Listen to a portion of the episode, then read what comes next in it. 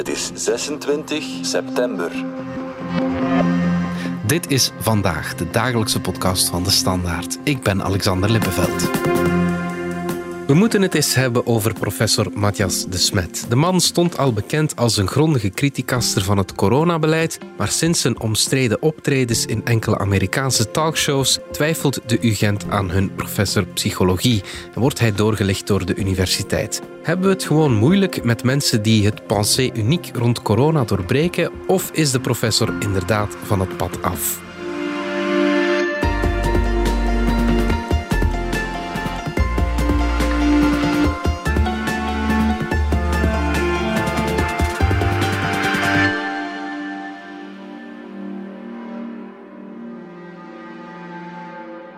Dries Smet van onze wetenschapsredactie. Voor de duidelijkheid, geen familie van Matthias eh, de Smet.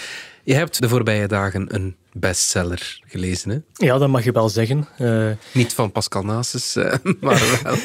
nee, van Matthias de Smet. En ja, het boek is, uh, zegt hij zelf, 20.000 keer verkocht in Vlaanderen en Nederland. In het Nederlands. Is ondertussen ook al uit in het Italiaans en in het Engels. En in het Engels ja, geeft hij zelf aan dat er 60.000 à 80.000 exemplaren verkocht zijn. Wat best wel veel is. Als je dan kijkt in de Amazon-lijstjes, dan zie je ook dat hij daar in de top staat van de politieke boeken.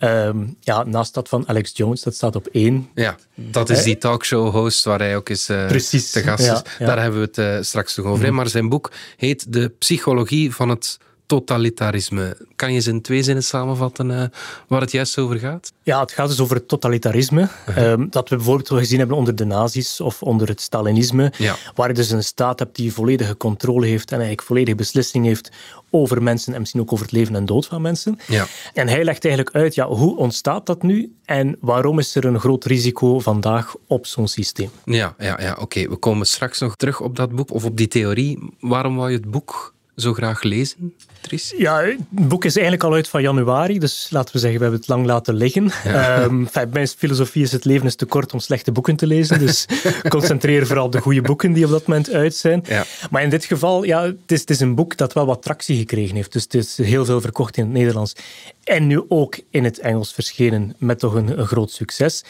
En het is ook een boek dat wel wat controverse teweeg brengt. Ja, ja, ja, vooral omdat hij dan door dat boek bij die talkshows uh, terechtgekomen is. Hè? Klopt, ja. Wat voor shows zijn dat? Het zijn talkshows waar je toch enige vragen bij kan stellen. Mhm. Zeker die van Alex Jones. Uh, die heeft een site Infowars. Alex Jones is een complotdenker. Ja, dat is een complotdenker van een zwaar kaliber. Luister maar even naar uh, een van zijn uitspraken. You may be thinking, there is nothing more I need to know about Alex Jones, because you've probably seen crazy clips like this.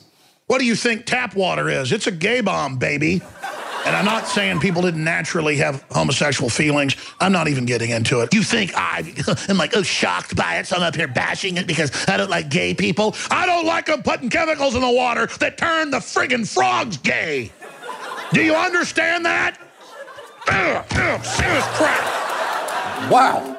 En voor het Smet bij Jones zat, Dries, dan zat hij eerst nog bij een andere Amerikaanse talkshow. Hè? Ja, je hebt dan uh, Tucker Carlson, dat is een voormalig CNN-host, werkt nu voor Fox News. Ja, dat is en, het kopstuk van Fox News, toch precies, ongeveer. En, ja. ook, ook een show waarin ook wel een keer een complottheorie ten berde gebracht werd. Ja, ja, ja, ja. ja, Je kan natuurlijk niet iemand verbieden om in te gaan op een uitnodiging uh, voor een talkshow. Hè? Uh, nee, dat klopt zeker. Um, op, op zich denk ik dat hij daar perfect mag zitten. Um, maar de vraag is natuurlijk, je weet natuurlijk wel met wie je te doen hebt. Je weet wel bij wie je zit. Mhm. En ja, je ziet bijvoorbeeld ook in die show die hij gedaan heeft met Alex Jones. Ja, het is de grote Alex Jones show en hij heeft daar een rolletje in. Ja. Maar ja, je werkt natuurlijk wel mee aan de boodschap die Alex Jones wil verkondigen. Het is Ja, niet per se jouw boodschap die, die verkondigd wordt. Waarbij je kan zeggen, bij, bij Tucker Carlson was dat een veel opener gesprek, waar dat er toch een vraag- vraag-antwoord gesprek is en waarin ja, Matjes met eigenlijk zijn theorie kan toelichten. Dus in die zin Ja. kan je zeggen, hij neemt die, die opportuniteit te baat om ook zijn boek daar te promoten. En uh, in eerste instantie ging de kritiek op de Smets optreden vooral over één zinnetje.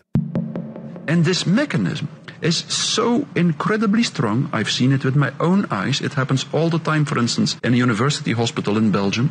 How a simple hypnotic procedure is sufficient to focus the attention of a patient so much on one point that the person won't be aware anymore that the, there is a surgeon who cuts through the skin through the flesh, even straight through the breastbone to perform an open heart operation. That's the reason why in a mass formation, when all the attention is focused on one aspect of reality, for instance, the corona crisis, the coronavirus, people are not aware anymore. You're saying you've seen people hypnotized that can have open heart surgery with no anesthesia. Yeah, uh, absolutely. Unbelievable. Ja, hij vertelt dat hij een open hartoperatie heeft gezien die zonder verdoving werd uitgevoerd en alleen onder hypnose. Ik ben een complete leek, maar dat klinkt voor mij al twijfelachtig. Wat hij daar doet, is eigenlijk een uitvergroting maken van iets wat hij op Canvas heeft gezien in een documentaire. Dus er is een Luikse professor die inderdaad hypnose toepast bij operaties. Mhm. En dat zijn ook wel best grote operaties, maar geen open hartoperaties. Mhm. eh, waarbij je door het borstbeen snijdt, dat, dat wordt daar niet voor gebruikt. Ja. Maar hij zegt, ik heb dat met mijn eigen ogen gezien. Ehm, ja, dat was niet zo, heeft hij achteraf moeten zeggen. Ja, dat was een leugen. Mhm. Ik heb dat niet met mijn eigen ogen gezien. En dat werd ook niet toegepast voor open hartoperaties. Mhm. Maar je ziet dan, hij is daar een beetje dubbel in, in zijn excuses daarvoor. Enerzijds zegt hij, ja, ik heb mij daar vergist en dat had ik niet mogen doen. En anderzijds zie je hem op Facebook ook wel weer links posten naar artikels die zeggen, ja, het zou toch wel kunnen bij een open hartoperatie, die hypnose. Ah ja, oké. Maar, maar kan dat effectief er iets van? De, de dokters daarvan zeggen dat kan absoluut niet. Zeker niet als je weet zo, hoe zo'n open hartoperatie gebeurt. Dat is een zeer invasieve eh, ingreep uiteraard. Ja, ja. Ehm, waarbij mensen dat natuurlijk niet bewust kunnen meemaken op dat moment. Ja, ja, ja. Maar de poppetjes waren wel eh, aan het dansen bij de universiteit. Hè? Ja, dat klopt. Ja. Dus de faculteit heeft op dat moment ingegrepen. De aanleiding was natuurlijk die uitspraken. Maar eigenlijk ook omdat studenten zelf naar voren getreden zijn en studentenvertegenwoordigers hebben gezegd van ja, hij heeft die uitspraak nu gedaan op die Amerikaanse talkshows, maar heeft dat ook in zijn les gezegd. Oké. En dus dat is de aanleiding geweest voor de universiteit om te gaan zeggen oké, we gaan die les nu gaan doorlichten, want hij heeft het vak cultuur- en maatschappijkritiek. En tegelijkertijd wordt er ook een dossier voorbereid om te kijken, is hij wel wetenschappelijk integer bezig en moeten we daar eventueel ook op ingrijpen. En ingrijpen, wat wordt daar dan mee bedoeld? Wordt dat dan, ja, wordt hij eventueel ontslagen voor die uitspraken? Of, eh? Dat lijkt niet aan de orde. En als je de rector hoort, Rick van de Wallen, dan geeft hij dat ook niet aan. Hij zegt ook, een aanslag is op dit moment zeker niet aan de orde. Maar wat doet zo'n commissie wetenschappelijke integriteit? Die bekijkt eigenlijk wat ze ook zouden doen voor wetenschappelijk onderzoek. Dus die gaan kijken, wat je bij wetenschappelijk onderzoek niet mag doen, is bijvoorbeeld plagiaat plegen. Je mag ook data niet verkeerd voorstellen. En dus alles wat geldt voor wetenschappelijk onderzoek, geldt eigenlijk ook op het moment dat je als wetenschapper in de publieke ruimte betreedt, dan ben je ook verplicht om objectieve, neutrale informatie te geven die wetenschappelijk correct is. Ja, dat dossier moet nog opgemaakt worden, dus daar kunnen we nog niets over zeggen. We gaan er even uit voor reclame. Wil jij je passie omzetten in Lego-stenen? En wil je iets verwezenlijken? Met je eigen handen. Het plan uitvoeren, blad na blad, stap voor stap. Super gefocust. Je bent in het moment. En je ziet het voor je ogen groeien. Lego bouwplezier. Dat is toch het schoonste wat er is? Wil jij ook je passie omzetten in Lego-plezier? Zoek dan snel op Lego-sets voor volwassenen. Dries, terug naar eh, Matthias de Smet dan. We hebben het nog niet echt over zijn theorie gehad. Hè. Kan je even schetsen wat, die, eh, ja, wat dat juist is, zijn, eh, zijn grote theorie? Want het is wel een grote Dat klopt. theorie. Ja. Hij heeft, heeft een hele theorie over waarom we vandaag in een totalitair systeem zitten of neigen naar een totalitair systeem. En eigenlijk heel kort samengevat is zijn idee, er was al veel angst in de samenleving en dat komt dan voort uit een mechanistisch wetenschappelijk denken. Dus we denken wetenschappelijker sinds dat de verlichting er, er is. Dus Ja. mensen zijn zelf wetenschappelijker gaan denken. Maar dat heeft ook een geloof gecreëerd dat we alles met wetenschap kunnen oplossen en alles met techniek kunnen gaan oplossen. Dat heeft een aantal repercussies. We zijn wat sociaal geïsoleerder geworden, ook door technologie. Denk massamedia, televisie bijvoorbeeld. Mensen gaan thuis voor de televisie zitten, komen niet meer buiten. Ja. Mensen die sociaal geïsoleerd zijn. Er is ook wel angst in de samenleving. De neurotische vraag, ja, wie ben ik, wat doe ik hier? Mensen Ja, weten ja, niet meer wat, wat dat precies is.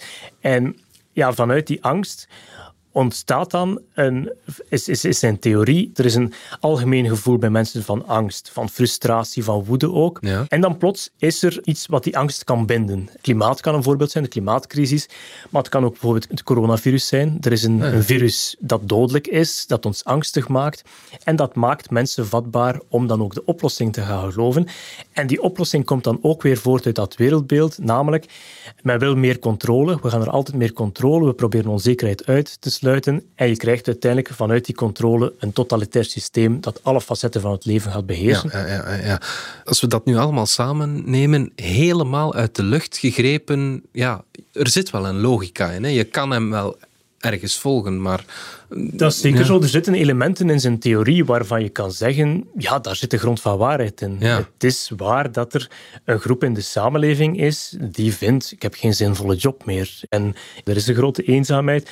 Er is ook angst in de samenleving. Dus, dus die elementen, die zijn er wel. En ook de andere elementen die je aanhaalt als je dan kijkt naar controle. Ja, er is inderdaad misschien wel een tendens in de samenleving om steeds meer onzekerheid te gaan willen uitsluiten. De mogelijkheden voor controle zijn ook groter geworden om mensen te volgen. Die zijn er inderdaad. Dus. Ja, ja, ja. die elementen, denk ik, van zijn theorie kloppen. Ja, maar hij gaat toch ergens de mist in met zijn... eh, Ja, als je dan kijkt naar zijn conclusie. We zitten vandaag in een totalitair systeem, of, of er is een grote neiging om vandaag in een totalitair systeem te zitten. Ja, dan kun je argumenteren, en Christophe Busch zegt dat bijvoorbeeld ook, dat is de directeur van het Hannah Arendt Instituut. Dus heel zijn theorie over het totalitarisme is eigenlijk gebaseerd op Hannah Arendt. Ja. Dat was een Joodse filosoof die de theorie ook bedacht heeft. Zij keek naar het nazisme, naar het Stalinisme en keek dan terug. Ja, wat zijn nu die factoren die ervoor gezorgd hebben dat we uiteindelijk in zo'n systeem terechtgekomen zijn? Ja. En een van haar analyses was ook, het is inderdaad die angst die al aanwezig was in de samenleving, het gevoel van sociaal isolement. Dat zijn die elementen die er ook voor gezorgd hebben dat op een gegeven moment zo'n grote ideologisch systeem zich kan installeren. Maar als je vandaag kijkt naar ja, onze samenleving, dan zegt Christophe Busch, ja, we kunnen nu niet zeggen, absoluut niet, dat we nu in een totalitair systeem zitten, waarbij de terreur van de staat totaal is, waarbij het de ene Ja, keer nee, de ja. één burger A is die het slachtoffer kan zijn, morgen B en overmorgen C. Ja. dat kan je vandaag niet zeggen Nee, nee, nee, inderdaad, ja. als je die filosofie huldigt, ja, dan moet je wel ook kunnen aangeven waar vandaag zit dan dat totalitair systeem. Wie vliegt er in de gevangenis voor zijn meningen? Ja, is het dan niet vreemd dat zo'n boek nog kan verschijnen en dat dat niet uit de rekken gehaald wordt? Waar zit die censuur? Dan, dan was hij inderdaad gecensureerd. Wat is het antwoord van eh, de smet op die kritiek? Ehm, dat een totalitair systeem zich niet enkel beperkt tot de klassieke voorbeelden, zeg maar, waar de terreur totaal is en waar je dat ook fysiek ondervindt, Ja. zoals het nazisme, stalinisme. Ja. Dat is heel Je duidelijk. hebt ja. geen, niet overal strafkampen volgens hem in een Precies, daar totalitair waren systeem, ja. concentratiekampen, daar verdwenen mensen van de een op de andere dag. Maar hij zegt dan, ja, het is vandaag misschien ook wel subtieler in de zin, je hebt een totalitair systeem dat volledige controle wil. En vandaag is dat bijvoorbeeld op basis van cijfers, wil men die controle hebben, zeg maar, een coronacrisis, besmettingscijfers, ziekenhuisopnames, doden. Ja, de smet suggereert eigenlijk dat het bijhouden van al die gegevens of het in cijfer gieten van alles, dat dat zou kunnen overgaan in een overheid die alles probeert te beheersen. Dan komen we ja, wellicht tot wat veel mensen zo aantrekkelijk vinden aan het verhaal van Matthias de Smet. Wij, de media, wij hebben de massa gehypnotiseerd met de coronaberichtgeving en enkel de wakkere geesten, zoals ze zichzelf noemen, die zijn niet in die massapsychose meegegaan. Ja, exact. Ja. En eh, toch even zeggen, hij gebruikt het woord psychose niet. Dat heeft, hebben anderen hem wel in de mond gelegd. Maar dat is inderdaad zijn theorie. Dus hij haalt uiteindelijk van Gustave Le Bon, dat is een Franse socioloog. En die had het idee, ja, zoals je hypnose hebt, je kan met een stem eh, iemand beïnvloeden, eh, kan de massamedia het ook met een stem kunnen die zorgen voor een soort van massahypnose. Ja. En dus zijn idee is, als je dat dan toepast op de coronacrisis, dan zegt hij, ja, dat zien we dat daar eigenlijk ook. Je hebt dat object van angst. Mensen worden heel bang van dat coronavirus, want het is ook een dodelijk virus. En dus heb je een groep die gehypnotiseerd is en die dus slaafs meegaat in enerzijds de coronamaatregelen, maar ook de oplossingen. Denk aan de, aan de, aan de vaccinatiecampagne. En je hebt dan een groep wakkeren die dat doorziet en die ziet van, ja, hier wordt eigenlijk angst gebruikt om dan uiteindelijk een andere finaliteit te bewerken, namelijk bijvoorbeeld een totalitair systeem. Ja.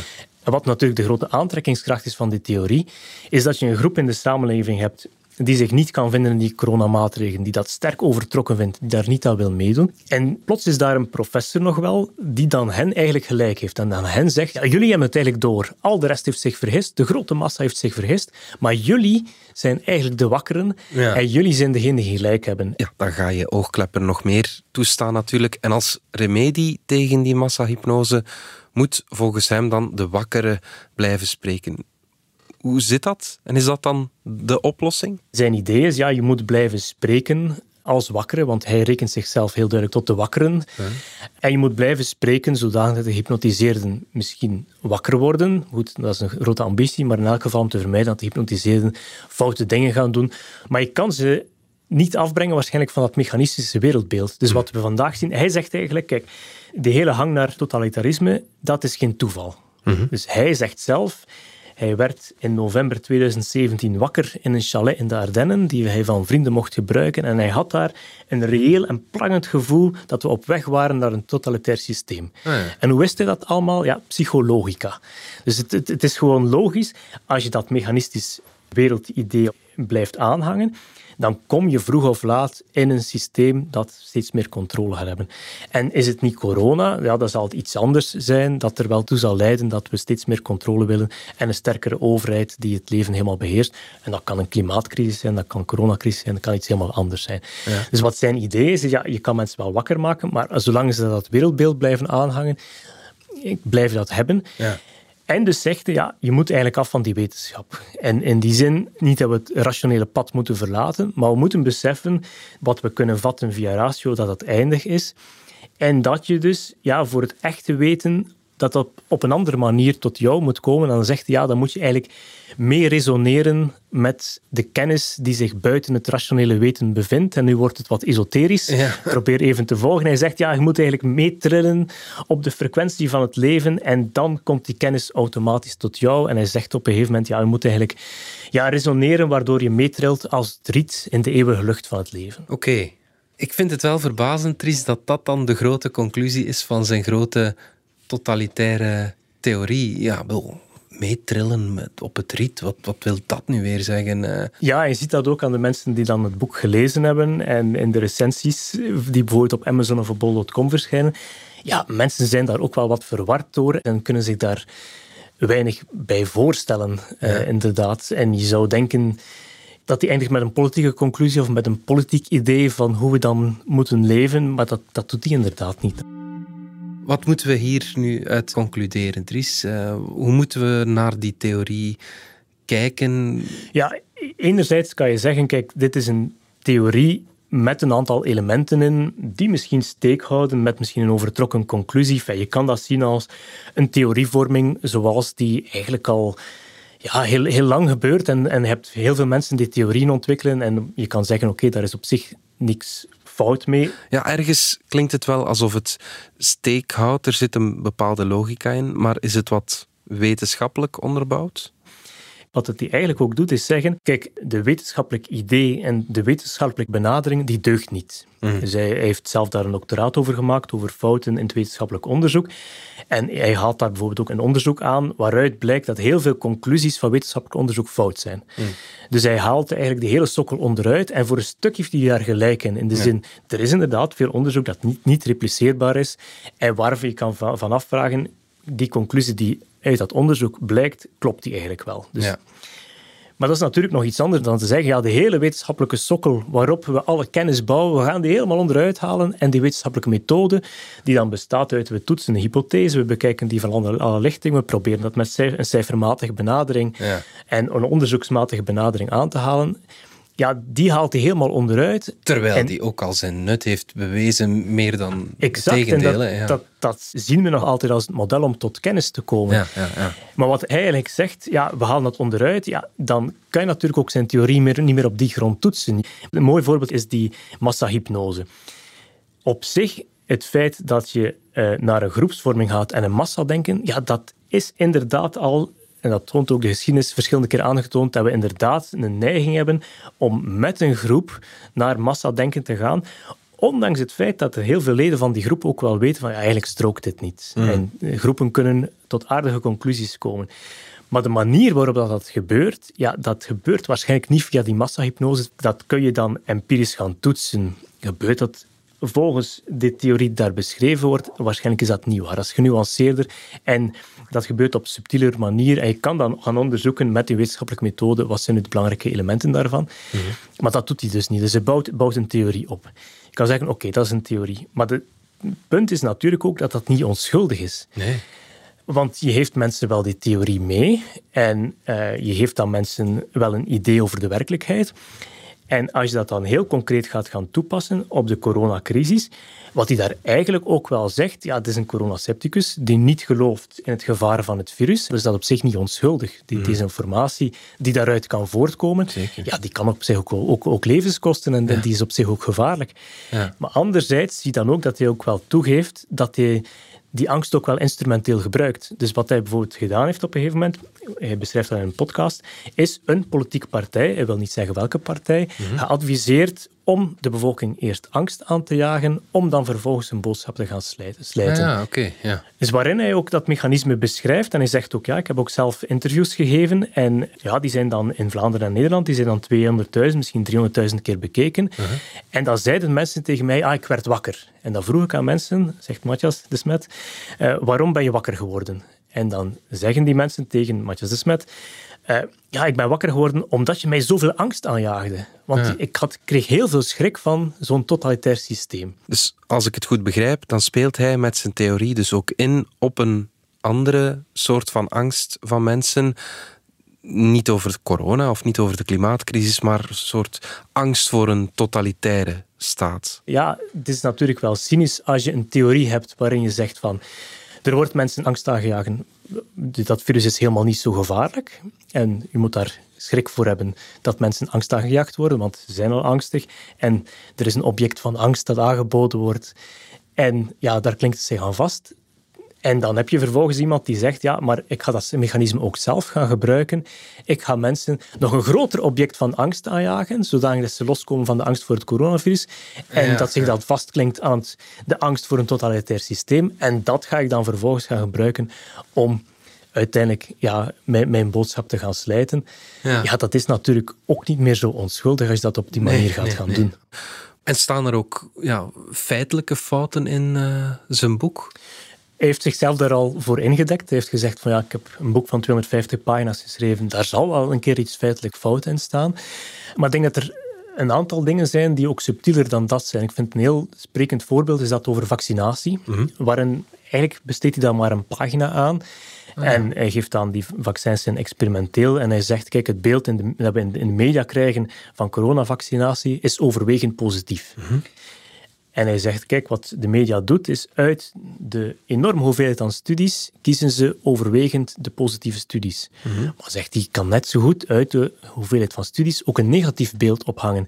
En hij zegt bijvoorbeeld, kijk, als je kijkt naar een aantal studies, neem bijvoorbeeld die studie waaruit blijkt dat vrouwen acht keer meer miskramen hebben als ze gevaccineerd zijn eh, met het coronavaccin. Ja. Heb je daar al iets over gehoord in de media? Ja. En dan zegt hij vervolgens, ja, maar ik weet niet of dat waar is, maar dat weten we ook niet van de andere studies.